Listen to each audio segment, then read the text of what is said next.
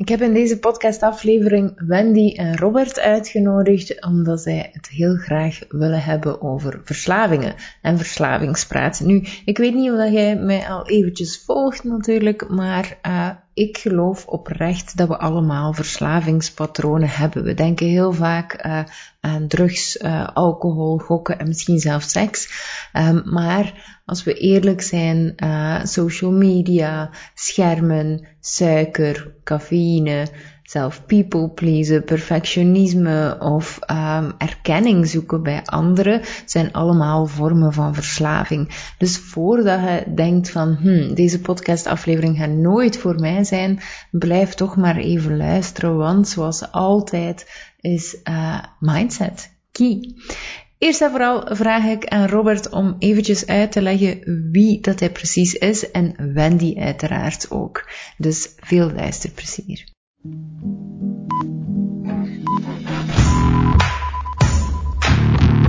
ben Kim de Graven, ondernemer, investeerder en grote gelover in de kracht van verbinding. Ik heb lang veel te hard voor veel te weinig gewerkt, tot ik slimmer ging werken en durfde te leunen in plaats van altijd maar te dragen.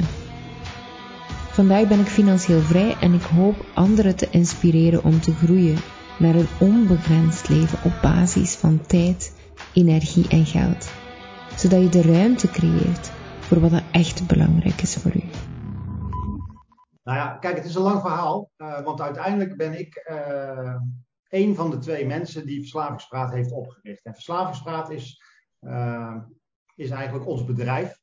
wij willen daarmee echt impact gaan maken, omdat wij een andere manier van denken hebben als het gaat om verslavingszorg dan de reguliere verslavingszorg. En mhm. ik heb jarenlang in de reguliere verslavingszorg gezeten uh, als cliënt.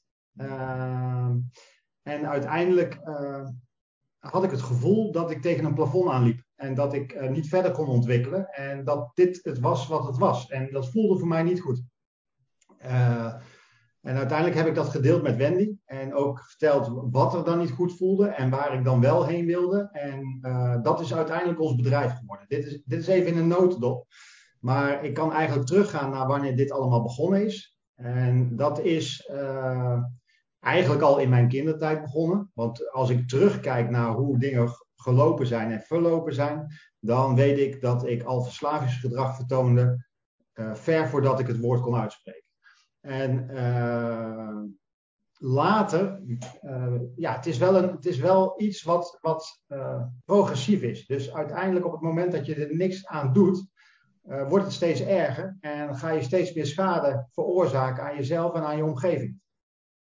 En dat, omdat ik heel lang dat heb ontkend en heel lang daarvan weg probeerde te blijven en heel lang eigenlijk mijn gebruik in stand probeerde te houden, uh, is dat jaren en jaren, decennia lang heeft dat door kunnen gaan. En ik ben zelfs als een soort parasiet van de ene vrouw op de andere gesprongen. Uh, maar uiteindelijk is dat hele avontuur wel opgehouden toen ik met, bij Wendy kwam.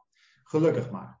Want ik weet niet waar het anders geëindigd zou zijn. Maar dat zou niet heel veel positiviteit zijn. En uh, Wendy heeft mij toen doen laten besluiten om hulp te gaan halen. Dat ik het niet zelf kon. En dat heb ik toen gedaan in 2017. En uh, dat heeft gemaakt dat ik inderdaad in de reguliere verslavingszorg terecht kwam. En dat ik meteen te horen kreeg binnen 48 uur dat ik nooit meer iets mocht gebruiken. Dat ik 100% abstinent moest leven de rest van mijn leven. En dat ik een uh, ongeneeslijke ziekte onder de leden had, uh, verslaving. En ik moest dus ook eigenlijk op dagelijkse basis werken aan mijn herstel, zo werd dat gezegd.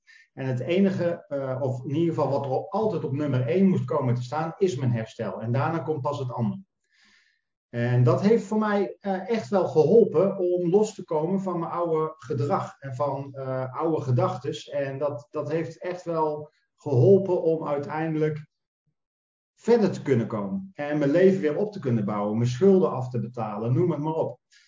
Maar toen kwam ik dus tegen dat uh, plafond aan. En toen dacht ik van ja, maar wacht eens even. Ik heb nu echt het gevoel dat ik van de ene gevangenis, die van verslaving, in de andere gevangenis, die van verslavingszorg terecht ben gekomen. En dat ik nog steeds niet mijn eigen uh, pad kan volgen. Hmm. En uh, dat was het moment dat ik dus inderdaad tegen Wendy zei: joh, wij gaan dit anders doen. Want ik moet wel bijzeggen, Wendy was heel duidelijk de naaste van een verslaafde. En ik was de verslaafde. Zo, zo, zo werden we in dat hokje geduwd. Terwijl Wendy op een gegeven moment ook echt uh, wel inzag dat de naaste van de verslaafde, maar daar gaat ze zelf natuurlijk nog uren over praten, maar, daar gaat, maar uiteindelijk heeft zij gezegd, uh, uh, wij doen hetzelfde als, als jij. En ik ben gewoon verslaafd aan jou. En dat maakt dat ik ook volledig van mijn pad afbuig.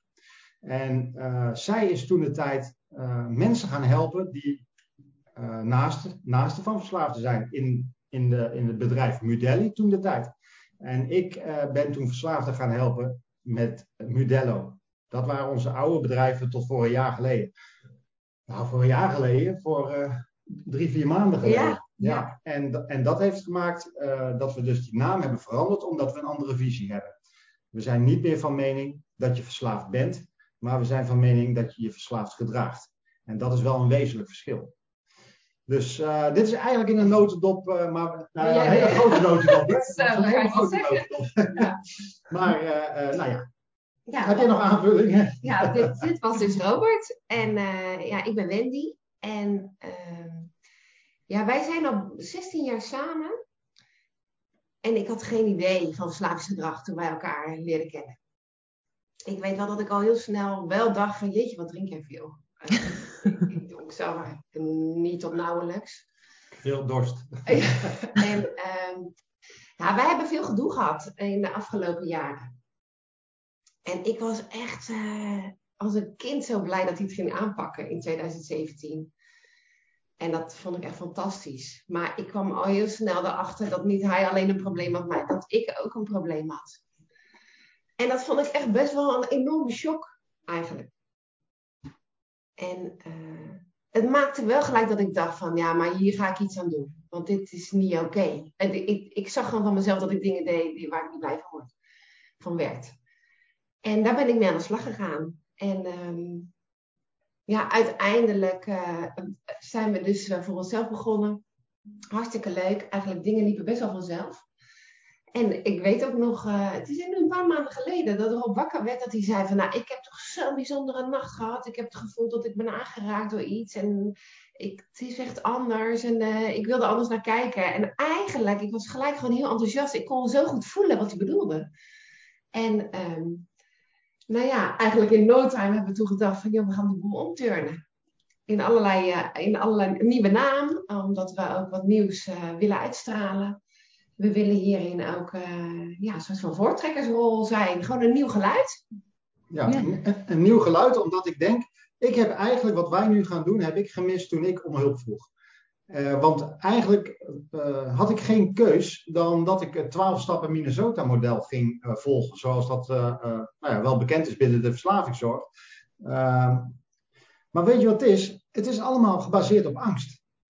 En wij zijn uh, een bedrijf wat gebaseerd is op liefde en op hoop.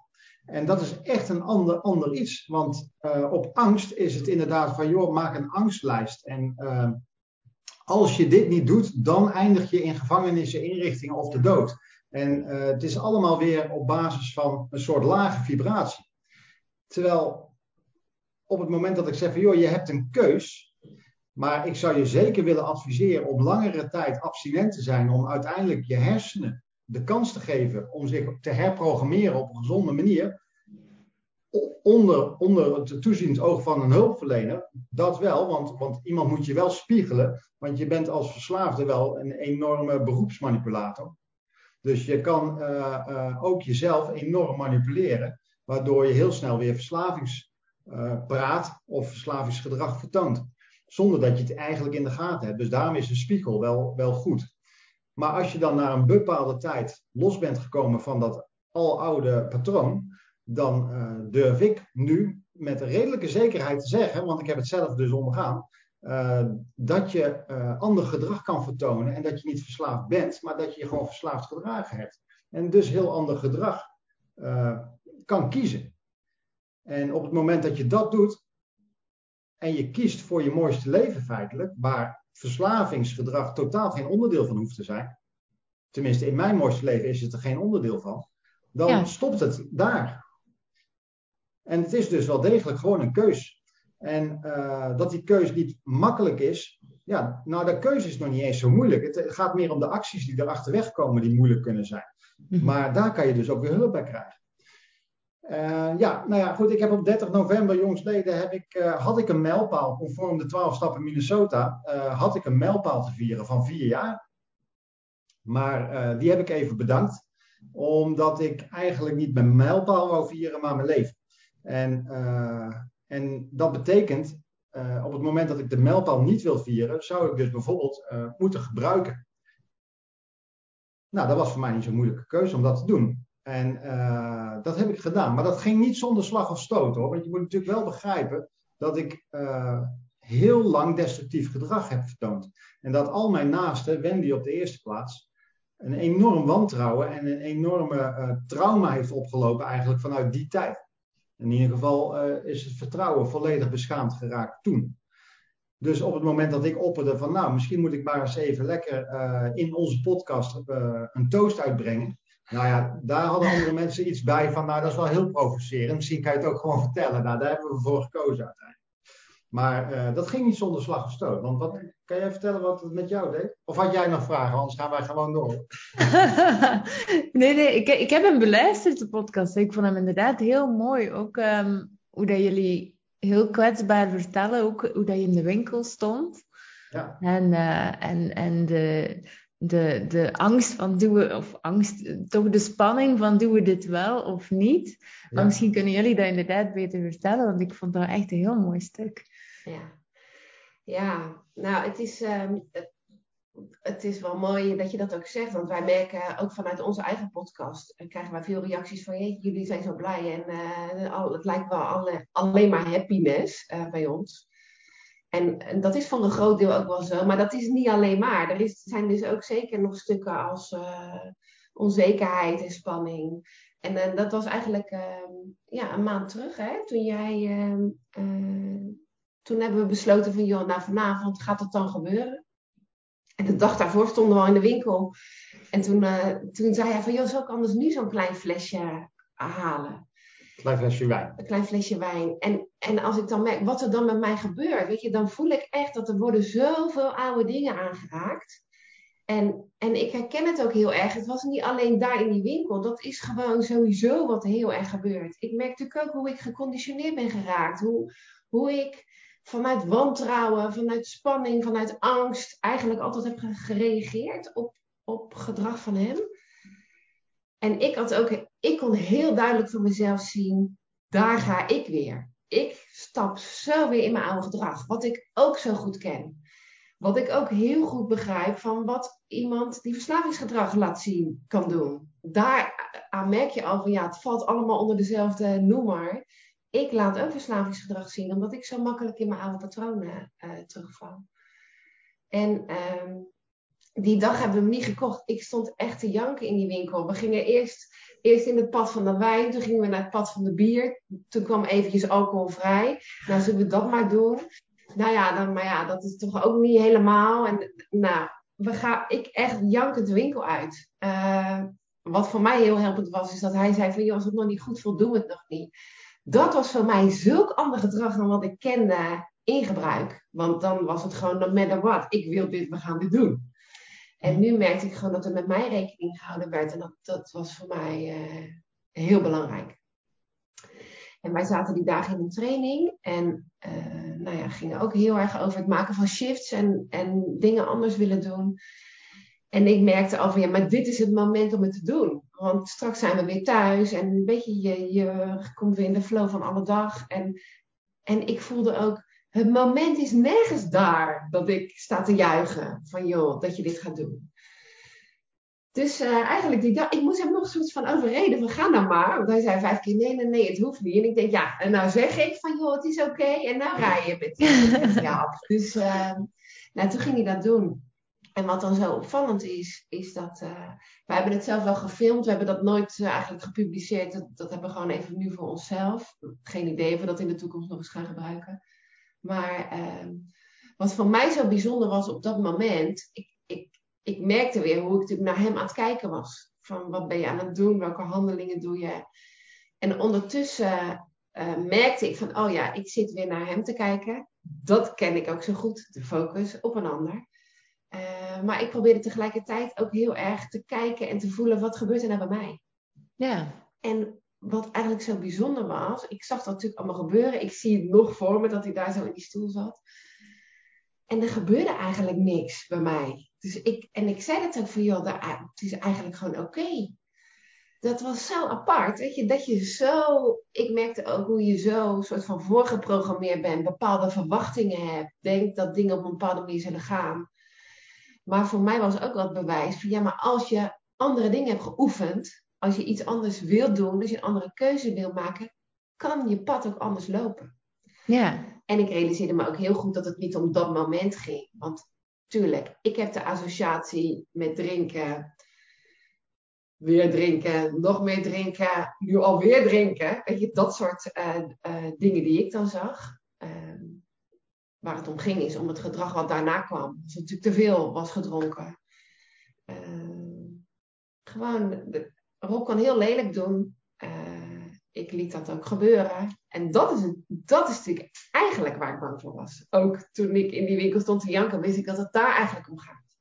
Ik wil gewoon met mijn vent samen zijn die liefdevol naar me doet. Uh, die vriendelijk is en warm en uh, in verbinding. En dat is gewoon niet geweest op de momenten dat hij zwaar in gebruik was. En nou ja, ik kon daarna ook zien van, hé, hey, ik geloof dat je twee wijntjes op hebt die avond. Dat, dat was gewoon oké. Okay. En wat ik wel gelijk merkte is, ook dat ging allemaal weer aan van, ja, maar hoe vaak wil je dat gaan doen? Ik, ik schoot gelijk weer in de controle. Ja. In, in dat, ja, dat is echt wel heel bijzonder.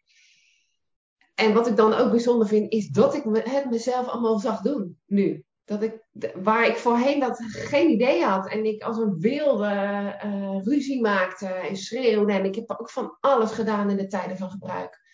Waar ik persoonlijk ook heel ongelukkig van werd. Maar het mooie is dat, dat jij, feitelijk heeft Wendy ook een, een, een tijd abstinentie gekend. Want die, Ja. wat, die hoeft helemaal niet meer mij te controleren, enzovoort, enzovoort. Want dat, in die periode van vier jaar eh, ben ik abstinent geweest, waardoor zij ook weer de mogelijkheid had om ervoor te kiezen om abstinent te zijn. Dus eh, uit die controle te gaan, veel meer naar binnen te keren, veel meer eh, vanuit het hoofd naar het gevoel toe te gaan.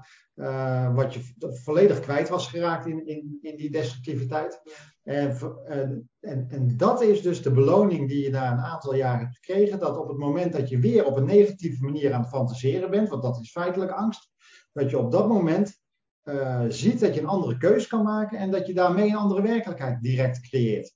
En Ja. eh, dat is feitelijk wat er bij jou ook gebeurd is op die avond. Dat jij, en ook die avonden daarna, toen Ja. je jezelf erop betrapte, je kon je eigen spiegel voorhouden. Ja. En dat was wel eh, heel prettig, want dan kan je ook heel snel een nieuwe keuze maken. En, Nou dat leidt tot een nieuw gevoel. Ja, ik kwam er ook achter dat ik zo snel weer zat in bijvoorbeeld het tellen van drankjes. Wat ik voorheen ook heel veel gedaan heb. Ehm, omdat ik wist, als het aantal oploopt, dan komen de drama's. Het is wel handig, want de rekening klopt altijd. hè? Ja, maar ik wist ook, ja, maar ook daar moet ik dus niet meer willen zijn. Wij hebben een afspraak gemaakt. Eh, Rob heeft ook gezegd van, joh, ik, dat waar ik ben geweest en dat gedrag wat ik daar liet zien, heeft niks met mijn mooiste leven te maken. Daar wil ik niet naar terug. En we hebben ook echt de afspraak gemaakt ehm, dat op het moment dat het maar enigszins erop lijkt dat we daar naartoe gaan, dat we elkaar kunnen aanspreken. Nou ja, ook daarin hebben wij natuurlijk afgelopen jaren heel veel geoefend. In elkaar aanspreken op een gezonde manier. In plaats van op een ongezonde manier met... Aanklagen. Ah, allemaal ellende. op, Ja. Ja, en, ehm, en ik weet ook dat ik nu eh, erop mag vertrouwen dat ik ook gewoon eh, krachtig genoeg ben. En dat ik ook dat goed genoeg geoefend heb om dat te blijven doen. Want ook daarin komt bij mij gelijk weer naar boven. Ja, maar buig ik niet heel langzaam weer mee in dat nare gedoe waarin ik in heb gezeten. Omdat ik weet dat dat de eerste keer eigenlijk ook zo is gegaan. Dat je gewoon heel langzaam, zonder dat je het in de gaten hebt, ga je gewoon mee in een situatie waar je eigenlijk helemaal niet wil zijn. Ja. Maar ja, ik merk wel heel duidelijk het verschil dat ik toen echt voor geen meter bezig was met wat ik voelde. Uh, ik was eigenlijk alleen maar bezig in mijn hoofd. ik heb ook een podcast over gemaakt. Ik was een wandelend hoofd. en sindsdien ben ik gewoon veel meer bezig geweest met mijn lijf en met voelen. En ja, ik voel gewoon, ik ben ook wel een beetje overgevoelig. Ik, ik voel gewoon heel snel als dingen niet oké zijn. En ik, ja, en dan zeg ik dat gewoon. En uh, ik kan ook veel beter zeggen, joh, tot hier en niet verder. En ik ga dit gewoon niet doen. Of ik ga hier gewoon niet mee. En dat is wel een hele verademing. Ja, ja en, en dan is het ook wel weer heel helpend dat ik ondertussen ook de keuze heb gemaakt om het mooiste leven te gaan leven, waarin ik geen destructief gedrag meer wil vertonen en waarin ik het ook belangrijk vind om niet meer mezelf continu op een bepaalde manier op de eerste plaats te zetten, maar ook rekening te houden met mijn omgeving. En op het moment dat zij aangeeft wat zij prettig vindt, dan had ik vroeger natuurlijk nogal de neiging om dat op een bepaalde manier om te buigen, waardoor zij dacht dat het niet klopte wat ze zei en daardoor toch weer meewoog met wat ik wil manipulatie, zeg maar. En uh, nu hoef ik dat hele gevecht of die hele manipulatie hoef ik niet aan te gaan, omdat ik één, respecteer wat zij uh, uitspreekt als gevoel. En twee, ik wil mijn mooiste leven leiden. En als ik elke keer bij alles wat ik doe, bij elke keuze die ik maak, me de vraag stel, dient dit mijn mooiste leven of ondermijnt dit mijn mooiste leven? Op de korte termijn of op de lange termijn? En het antwoord is, het ondermijnt het, dan stop ik ermee. Ja. Want dan weet ik al zeker dat het een doodlopend pad is ergens. En uiteindelijk denk ik dat ik ooit deze vraag ook had moeten stellen toen ik nog heel jong was. En toen heb ik de vraag verkeerd beantwoord, waardoor ik uiteindelijk de, het pad van verslaving op ben gewandeld. Eigenlijk nog steeds omdat ik onbewust wel mijn mooiste leven wilde leven, maar gewoon de verkeerde afslag nam om dat te gaan leven. Vanuit onwetendheid. Nu heb ik zoveel meer wetenschap. Nu weet ik wat bepaalde keuzes, wat, wat voor resultaten dat gaat opleveren. Dus ik ben ook aan mezelf verplicht. En ik kan het ook tegenwoordig een betere keuze maken. Omdat ik die vraag mezelf iedere keer kan stellen. Maar nu wel degelijk op basis van ervaring weet wat de beste antwoord is. Ja, ja en dit is ook echt de reden waarom wij ook met verslavingspraat uh, bezig zijn. Omdat wij gewoon, kijk, verslaving zit natuurlijk heel erg een stigma op. Daar vinden mensen van alles van. Dat heeft iets heel negatiefs. Uh, maar zoals ik al in jouw story zag van uh, vanochtend, weet je, eigenlijk iedereen heeft wel verslavingsgedrag, op wat voor manier dan ook. En uh, heel veel mensen denken bij verslaving vooral aan drank en drugs. Ehm, gokken komt ook nog wel voor. Maar er, zijn gewoon veel meer vormen eh, van verslaving. Nou ja, die, die ik dan zelf ook heb, herkennen, is, heb herkend, is ook echt verslaafd aan het willen controleren van een ander. Verslaafd aan ehm, uh, dingen perfect willen doen. Perfectionisme is ook echt verslavingsgedrag wat mij betreft. Maar ook de hele simpele dingen die aan alle dag aan de orde zijn, is uh, je social media waar je in zit. Mm Dat gamen is natuurlijk enorm upcoming, ook bij jongeren. Er komen gewoon heel veel problematische dingen uh, aan bod. Maar ook shoppen. En weet je, er zijn zo ontelbaar, ontelbaar veel dingen waar je verslaafd ja, en weet je, uiteindelijk maakt het me niet eens uh, zoveel uit of je ergens verslaafd aan bent, zolang het niet slecht voor je is. Op het moment dat jij het gewoon prettig vindt om heel veel uh, te sporten, niet te veel, maar veel te sporten, uh, dat je eigenlijk het mist op het moment dat je een keer niet gaat. zolang het niet ongewenst verslavingsgedrag is, dat vind ik echt wel belangrijk en dan, dan, dan is het oké.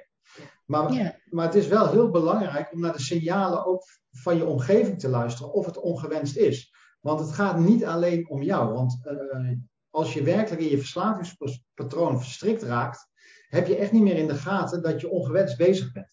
Nou, maar deep down inside weet je Deep down inside wel, ja. Maar, maar ik zou het nu herkennen. Maar ik kan me ook voorstellen dat je, uh, als je er bij spreken voor, nog niks met verslavingszorg te maken hebt gehad, dan, dan trap je er makkelijker in.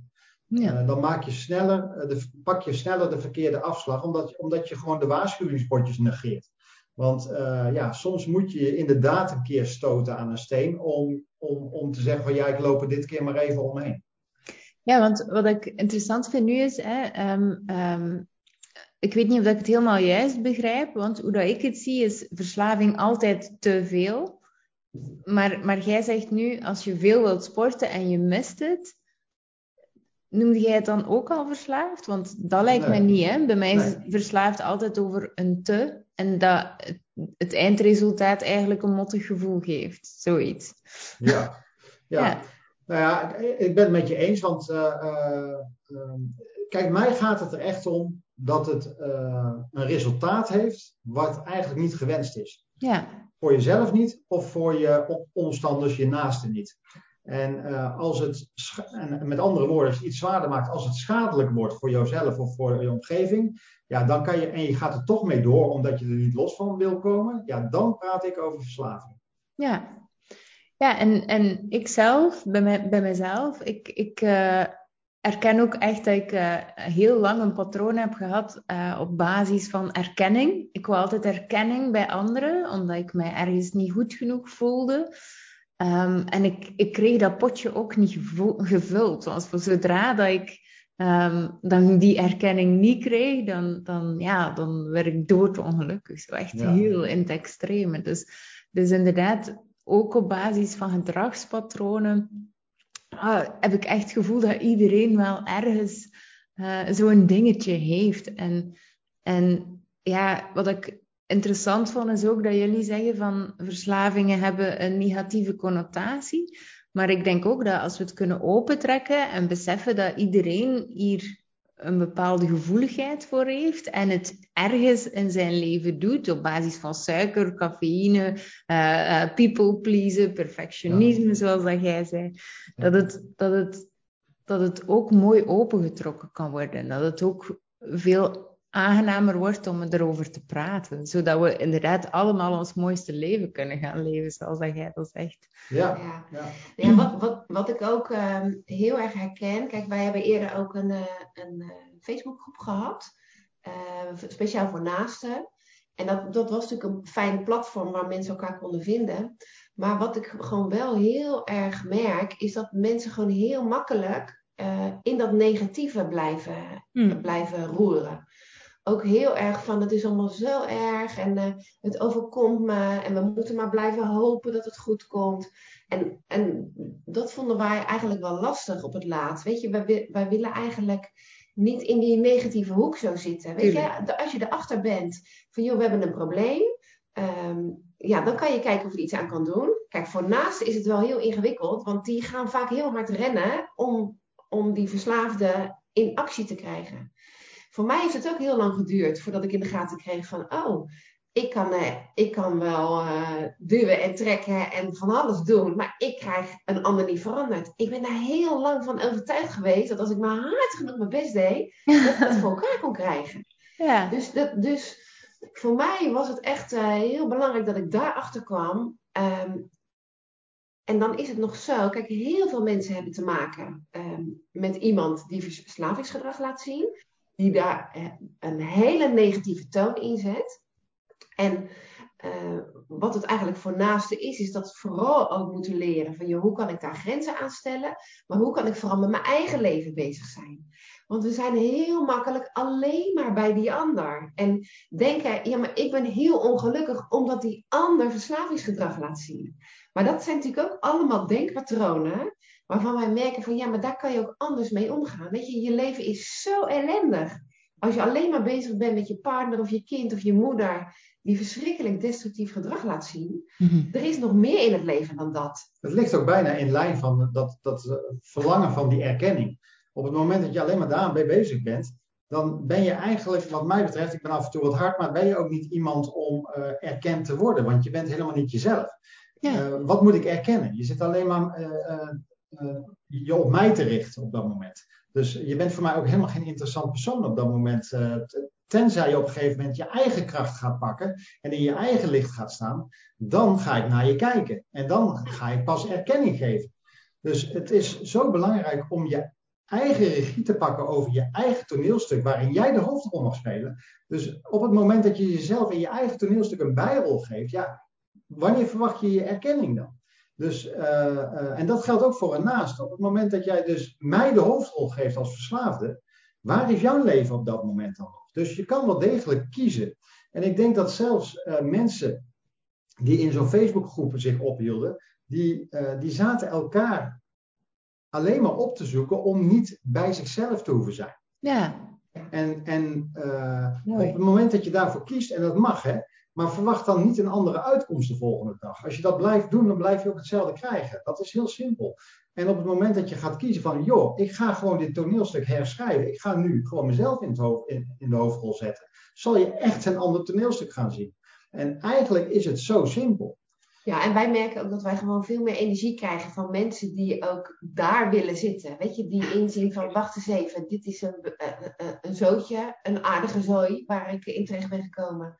Ik wil het niet, ik wil iets anders. En dat ze niet weten hoe, dat snap ik, hè. Maar daar is wel hulp voor, uh, voor mogelijk. Nu wel. En wij vinden het zo fijn om in die, om in die positiviteit te zitten. Daar, En daar, daar kiezen wij dus ook bewust voor. Ja. Ik merk zelf heel erg en ik, ik kan een klein voorbeeld geven.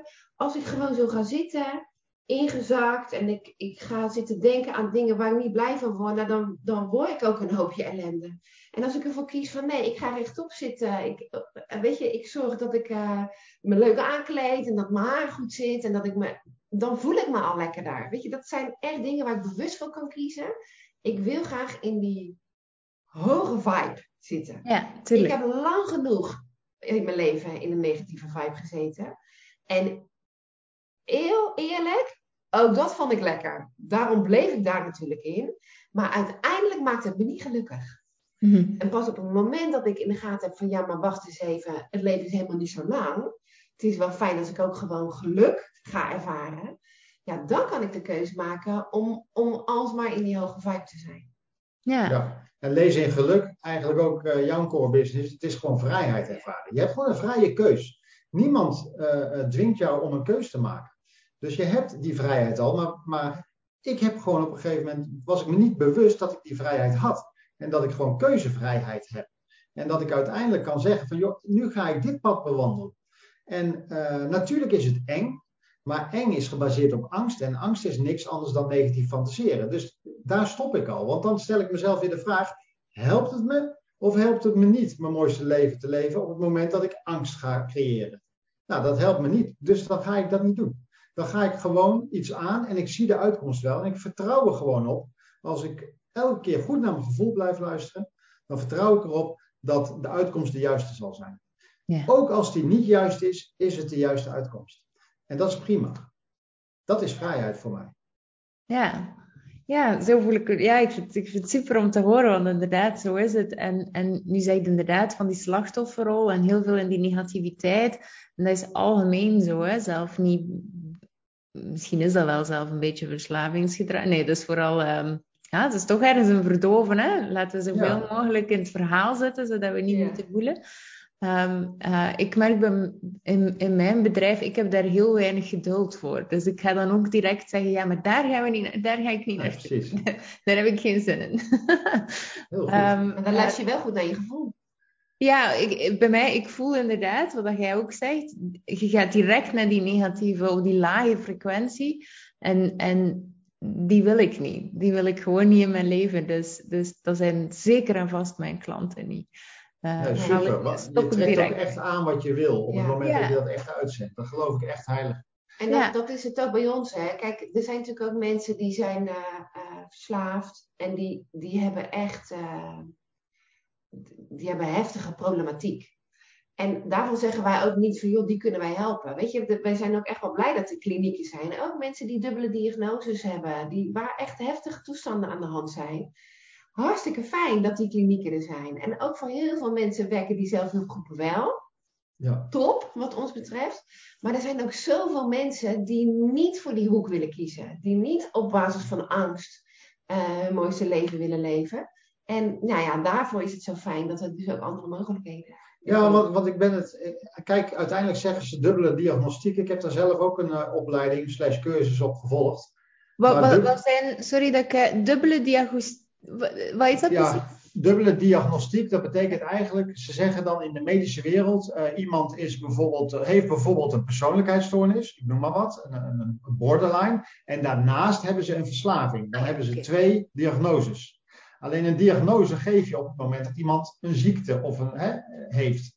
Alleen ik ben het dus niet eens meer met die naam, dubbele diagnostiek, want verslaving is voor mij geen ziekte. Het is een keus. En dan maakt het toch weer een enkele diagnose bijvoorbeeld borderline. En ik ben van mening dat iemand die verslavingsgedrag vertoont, uh, doordat hij uh, of zij uh, geremd wordt in, in het kiezen van geluk door een, door een traumatische ervaring of door een, een, een borderline of door iets anders, dan, dan zal enerzijds er echt een behandeling opgezet moeten worden door medici. Wat ik niet ben, gewoon niet. En, maar de verslaving aan zich hoeft niet behandeld te worden. Da, da, dat is meer begeleiden. Ja. Dat is echt iets anders wat mij betreft. Maar ook in die zelfhulpgroepen moet je iedere keer als je jezelf voorstelt, moet je zeggen, ik ben Robert en ik ben verslaafd. En dan mag je wat gaan vertellen. Maar als ik dat maar blijf zeggen, ik ben verslaafd, dat is nou exact wat het is. Dan, dan zal ik ook werkelijk me gaan gedragen alsof ik verslaafd ben. Want het is gewoon een affirmatie geworden. Ja. Ik ben verslaafd. Als ik dat maar blijf herhalen, geloof ik het ook zelf. En dat is dus ook precies wat er gebeurt. Maar wat gaat er nou gebeuren als je zegt: Ik ben Robert en ik heb me verslaafd gedragen? Dan, is het, dan, dan zit ik al gelijk in een andere vibe. Ja. Maar het is wel interessant, hè, Kim? Want ik weet nog dat, um, nou, ik denk zo 2,5 jaar geleden, dan zagen we ook wel eens posts van mensen langskomen. En die schreven dan: Ja, ik ben ex-verslaafd. En toen dachten wij: Hè? Die zegt ex-verslaafd, dat kan niet. Weet je, wij hebben ook echt iets anders geleerd in eerste instantie. En ook waren wij er helemaal van overtuigd geraakt van, joh, ik ben verslaafd voor de rest van mijn leven. En ook, weet je, ik ben ook naar zelfhulpgroepen gegaan voor naasten. Ik, ik kreeg daar ook te horen, dit moet je de rest van je leven doen. Alles maar weer die stappen en opnieuw en opnieuw en opnieuw. Ja, als je natuurlijk dat alsmaar hoort, dan geloof je daar ook in. Mm. Totdat, ja. Nou, zeker ook omdat je uit een bepaalde puinhoop komt en dat je de eerste, de beste reddingsboei die voorbij drijft, die pak je. Ja. En daar klamp je je aan vast. Uh, maar ik ben, ik ben er echt wel voorstander van, je mag een keuze maken. En op het moment dat de keuze niet meer jou dient, op een gegeven moment, mag je een andere keuze maken. En heel veel mensen zijn daar bang voor, die denken dat ze een keuze voor het leven moeten maken. Maar ja, wel, dat is wel mooi, want we hebben ook geleerd, uh, je mag ook altijd ergens op terugkomen. En dat is eigenlijk wat wij dan nu ook doen. Dus dat kan verwarrend zijn. En was ook verwarrend voor een aantal mensen die ons volgden. Dat wij opeens vanuit uh, het is een ongeneeslijke ziekte gaan naar het is een keuze. Ja, dat is nogal verwarrend en dat klinkt bijna onbetrouwbaar. Maar aan de andere kant, we kunnen het wel degelijk onderbouwen. En ik heb het ook zelf op de achtergrond ook geprobeerd. Van joh, op het moment dat ik elke keer zeg ik ben verslaafd. En op het moment dat ik terugval, dan ga ik heel snel afglijden en dan gaat het heel snel mis. Als ik dat maar blijf herhalen, ja, dan kan je erop wachten dat dat ook zo is. Alleen voordat ik mijn eerste gebruik, mijn terugval eigenlijk aan het voorbereiden was, had ik al heel vaak gezegd tegen mezelf: ik ben niet verslaafd, ik heb een keuze. Als het niet goed voelt, kan ik gelijk weer stoppen, enzovoort, enzovoort. En dat maakte dat ik dus eigenlijk onbedreigd een wijntje heb kunnen drinken. Ja. En dat tot op de dag van vandaag doen, maar wel op een hele normale manier, altijd in overleg. Want ja, ik heb ook veel beschadigd, dus het is niet zo gek om ook te overleggen. Ja, en je ziet ook heel, heel erg dat, hoe belangrijk het is waar je in gelooft. Ja, ja wat, oh, sorry, nee, zeg maar. Nou ja, en dat je dus waar je in gelooft, als je daar niet meer blij van wordt, dat je zelfs dat kan veranderen. Dan kan je iets anders voor in de plaats zetten. Ja. Ja, ja, en wat, wat ik zelf voel, en ik, en ik heb echt, ik ben helemaal mee in het verhaal, mezelf als ik hoor zeggen van, en dan heb ik een wijntje gedronken, voel ik inderdaad zelf, terwijl dat ik echt zo niet denk, voel ik, oeh, die heeft een wijntje gedronken. En, en, en dat, dat is zo gek dat we, dat we inderdaad ja, dat we inderdaad ergens geloven van dit is voor altijd. Want naar mijn gevoel klopt dat ook niet. En heb je echt wel heel veel ownership op wat dat je doet. Ehm, als je heel klaar hebt welke persoon dat je wilt zijn, uh, wat dat je mooiste leven ook precies is. Ja. um, maar daar noem je wel een paar dingen waar natuurlijk heel veel mensen ook helemaal niet mee bezig zijn. Ja. Dus dat is natuurlijk wel ook een soort uh, ja, een bewustwordingsproces waar mensen natuurlijk ook mee aan de slag ja, wel moeten, wat mij betreft. Ja, zeker. omdat je, als je natuurlijk helemaal geen idee hebt wat je verlangen is en waar je naartoe wil en hoe, ja, hoe kan je dan je pad uh, uitstippelen? Ja, en dan is het heel makkelijk om, om naar beneden te glijden, want ja, dan weet je het gewoon niet. Ja, ja. exact. Nee, dus dat is wel uh, belangrijk. Dus uh, ik kan me heel goed voorstellen dat mensen denken van, joh, heb jij gedronken? Maar dat heeft echt te maken met de geluiden die je om je heen hoort, de conditioneringen die je vast hebt gezet van, oh, een wijntje, foute boel. Alle alarmbellen gaan af. Maar de boodschap die erachter ligt waarom het wel kan, die moet veel meer verteld gaan worden. Waardoor er ook een ander geluid gaat klinken. En, want ik ben ervan overtuigd dat er uh, vele honderdduizenden mensen in de reguliere verslavingszorg enorm geholpen zijn bij de reguliere verslavingszorg. Omdat ze eigenlijk ook maar niet uh, loskomen van hun oude patronen en oude gedachten. En dan zitten ze wel op deze manier uh, aan de veilige kant. Ja. Maar er zijn nog veel meer mensen die ook zich ophouden in de reguliere verslavingszorg. Die eigenlijk uh, gestopt zijn met hun mooiste leven te leven, omdat ze, omdat ze een plafond gekregen hebben waar ze niet meer doorheen mogen. Het is een glazen plafond, want ze kunnen het soms nog wel zien wat erachter is, maar ze mogen niet meer. En dat uh, is zonde. Want ik denk dat er dus echt heel veel mensen zijn zoals ik, die wel degelijk verder kunnen doorontwikkelen dan de zelfhulpgroepen, uh, maar het niet durven omdat het hun aangepraat wordt. En daarom vind ik het heel belangrijk om dit geluid ook te gaan geven, want dit gaat een enorme impact maken voor zoveel mensen die eigenlijk um, mogen doorontwikkelen, maar gewoon tegengehouden worden door het systeem. Ja. En, dat is zonde. En wat ook wel belangrijk is om, uh, om daarbij te vermelden, is het is niet zo dat mensen per se weer uh, moeten gaan drinken. Hè? Nee. Het, het, gaat er meer om. Um, wat past bij mijn mooiste leven? Wat, wat wil ik graag? En uh, het zou zomaar kunnen zijn, kijk, want jij zei afgelopen weekend ook nog.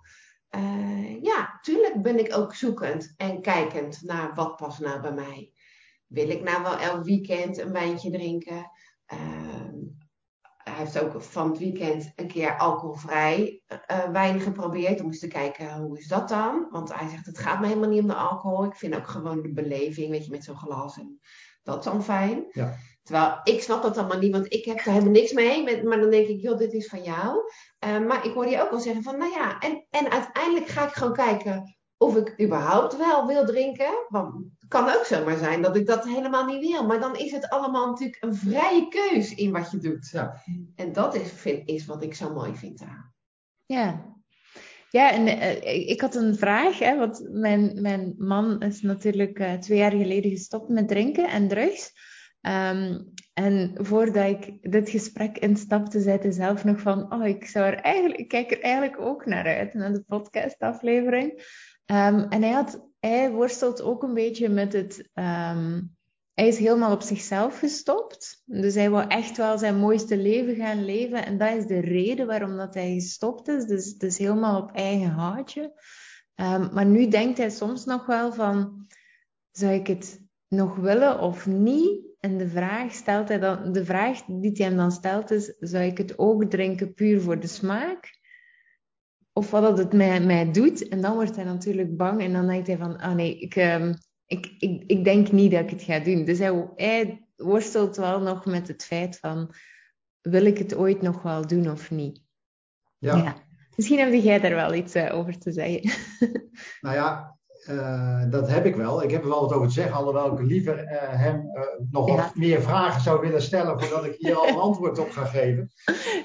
Maar op basis van deze informatie zou ik zeggen. Kijk, ik hoor jou zeggen, hij denkt dat het beter is nog van niet. Maar hij moet uit zijn hoofd.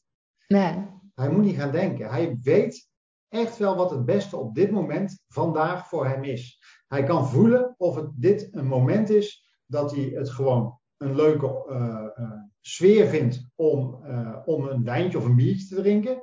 Of dat hij daar een, toch een soort van twijfel op voelt.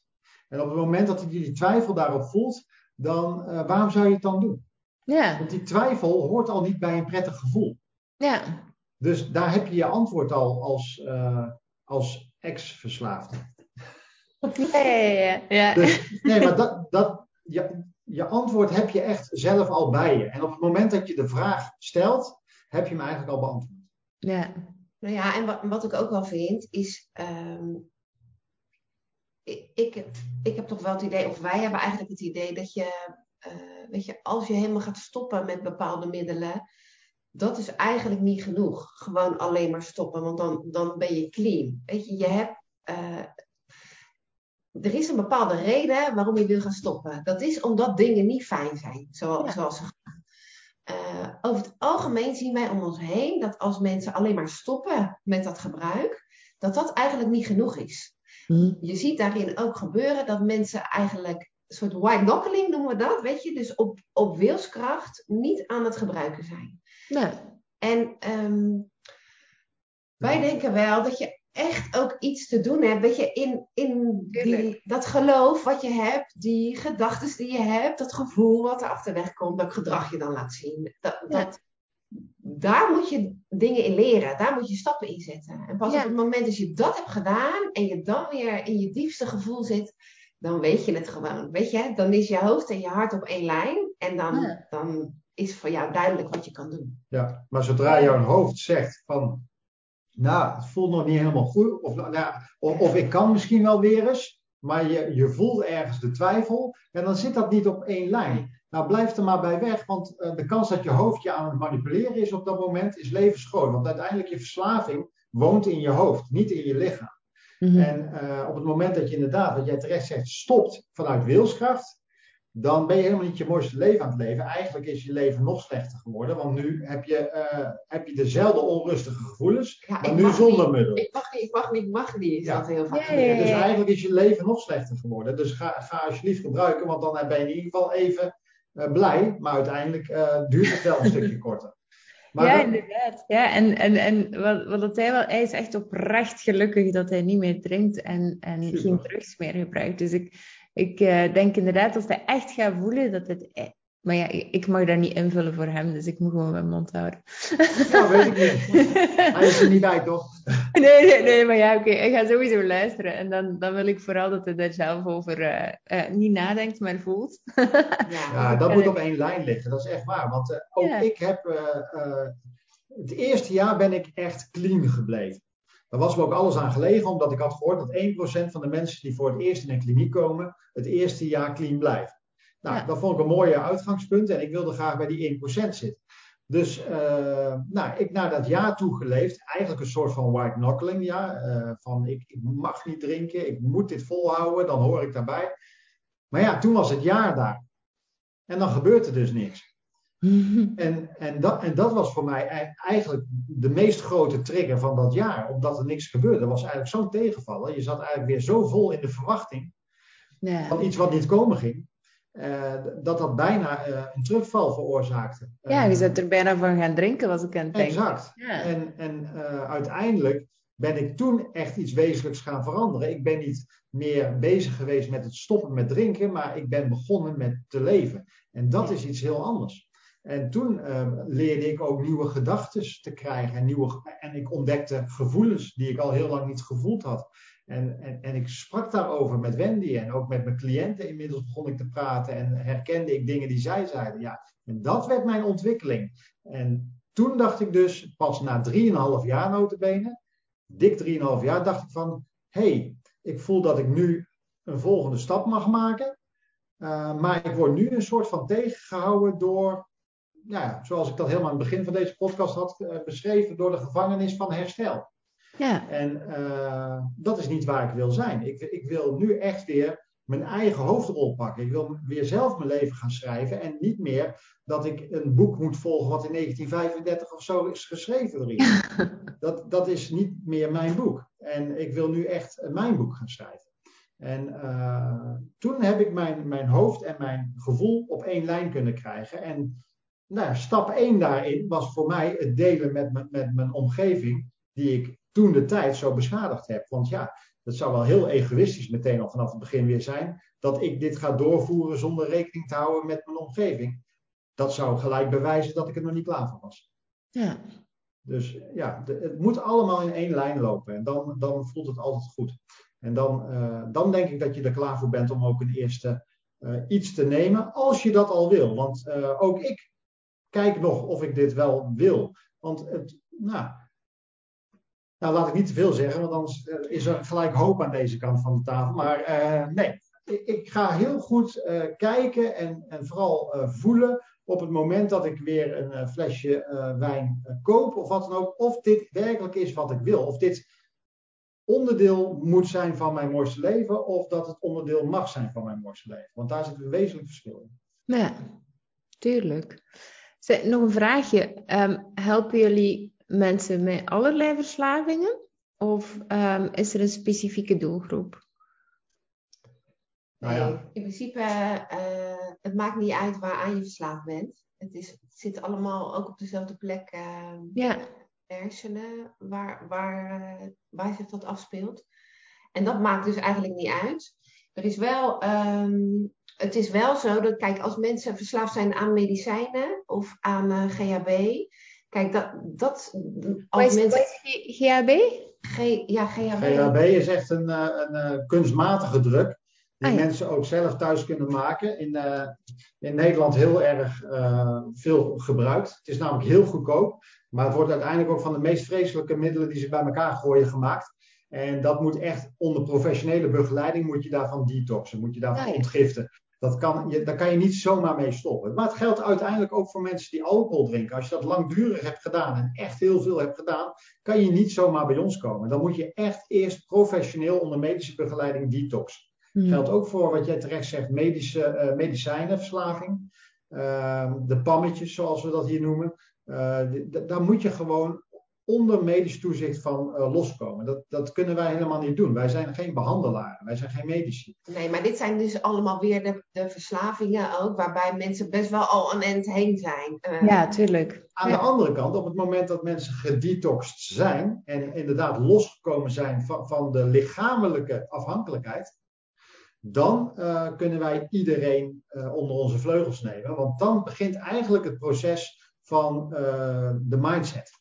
En een mogelijkheid is dat je inderdaad in een veilige omgeving van een kliniek zes weken vertoeft. Waar, en, en, dus uit je eigen omgeving bent, waar heel veel triggers op de loer liggen. En dan heb je even korte kans om aan je mindset te werken. Alleen de praktijk wijst al uit dat je toch wel minimaal een jaar nodig hebt om echt aan je mindset te werken.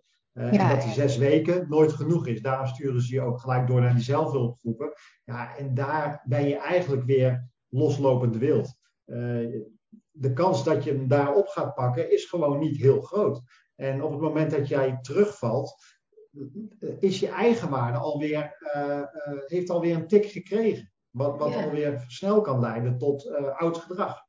Dus, uh, het is, dus enerzijds kan je inderdaad de reguliere verslavingszorg in nadat je gedetoxed bent. Vaak is dat ook in één en hetzelfde gebouw.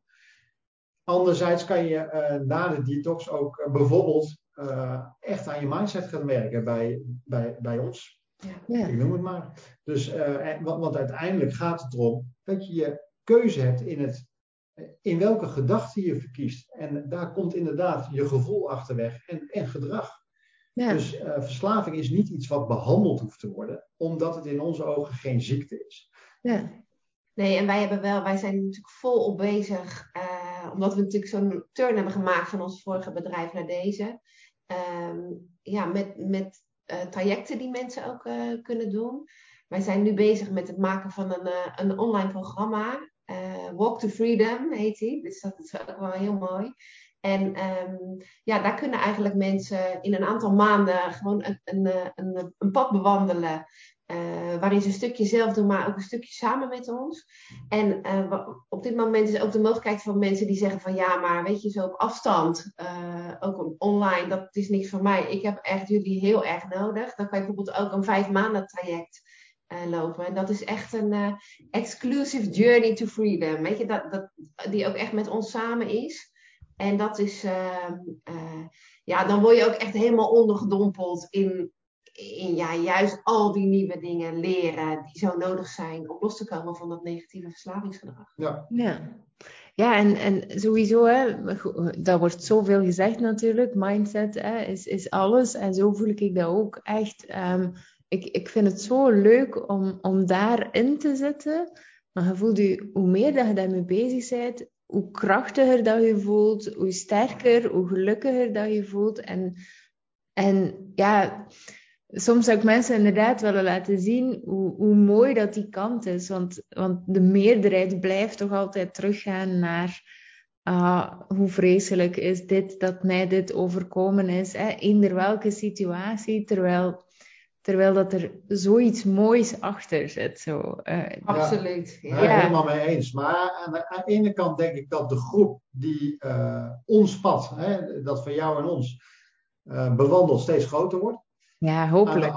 ja, ik heb wel het gevoel dat dat ook wel gebeurt. Dat steeds meer mensen daarvoor openstaan. Um, maar het is ook niet zo gek, want uiteindelijk leven we wel in een tijd, uh, helaas, waarin de, de, middenweg er niet meer zo erg is. Het is of uh, heel erg tegen, of voor, of links, of rechts. Maar het midden is een beetje aan het verdwijnen. En ja, nou ja, goed, zo kan je ook het onderscheid maken tussen de oude patronen en het nieuwe geluid. En ook daarin zie je duidelijk twee partijen op dit moment. Maar misschien heb ik het mis hoor. Het is natuurlijk ook omdat wij heel erg in deze vibratie zitten op dit moment. Uh, ontmoeten we ook dit soort mensen blijkbaar continu. Dus dan lijkt het ook misschien wel dat de hele wereld er zo uitziet ondertussen. Waarvan ik, maar dan zet ik het journaal aan en dan weet ik wel weer beter. Ja. dus, maar goed, het, het, is wel zo, uh, je trekt ook aan hoe je jezelf afstemt. En, en dat is wel uh, een heel fijn idee, dat je dus eigenlijk ook daarin weer invloed hebt over hoe je leven eruit komt. Ja, en uh, nog een hele mooie, hè, wat, wat jij ook zei, um, uh, was, hey, ik, ik, ik dacht, hè, als ik hard genoeg ren, hè, dat ik het wel allemaal kan, kan fixen. En uiteindelijk heb ik dan beseft van, ik kan niemand naar de sportschool sleuren die niet wil sporten. Um, maar maar ook, ook daar weer, um, wat ik daar eigenlijk zo een, een, mooi iets vind dat ik heb ontdekt, is hoe meer dat je, hoe dichter dat je bij jezelf gaat leven, hoe hoe, hoe meer dat je je omgeving ook effectief verandert, in plaats van je te storen en te frustreren en het gedrag van een ander en, en, en het daar te proberen zoeken. Dat eigenlijk zoveel simpeler is door hier te beginnen. Allee, ja, hier van binnen.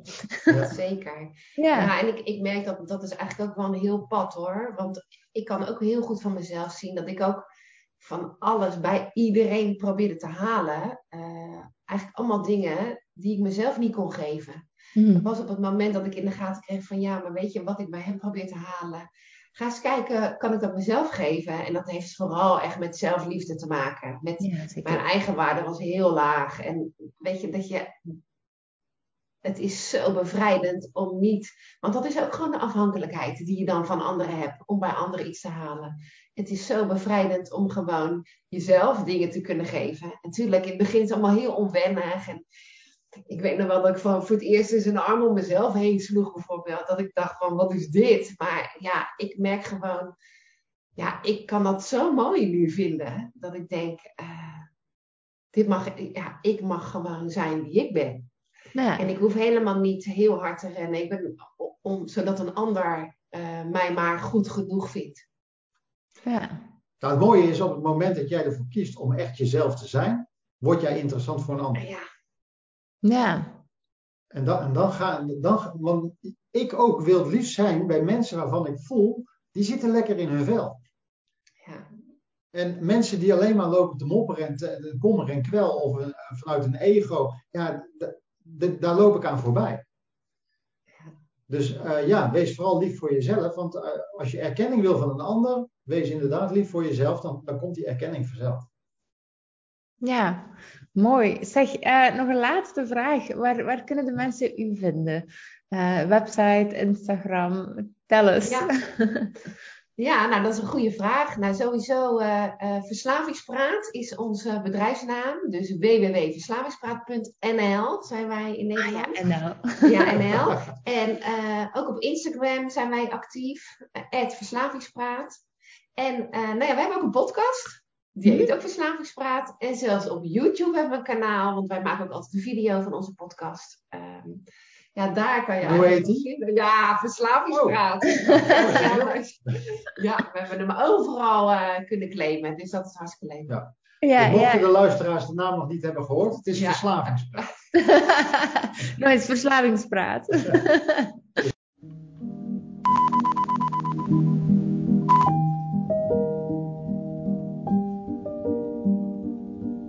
Bedankt om deze podcastaflevering helemaal uit te luisteren. Zijt je concreet geholpen? Super.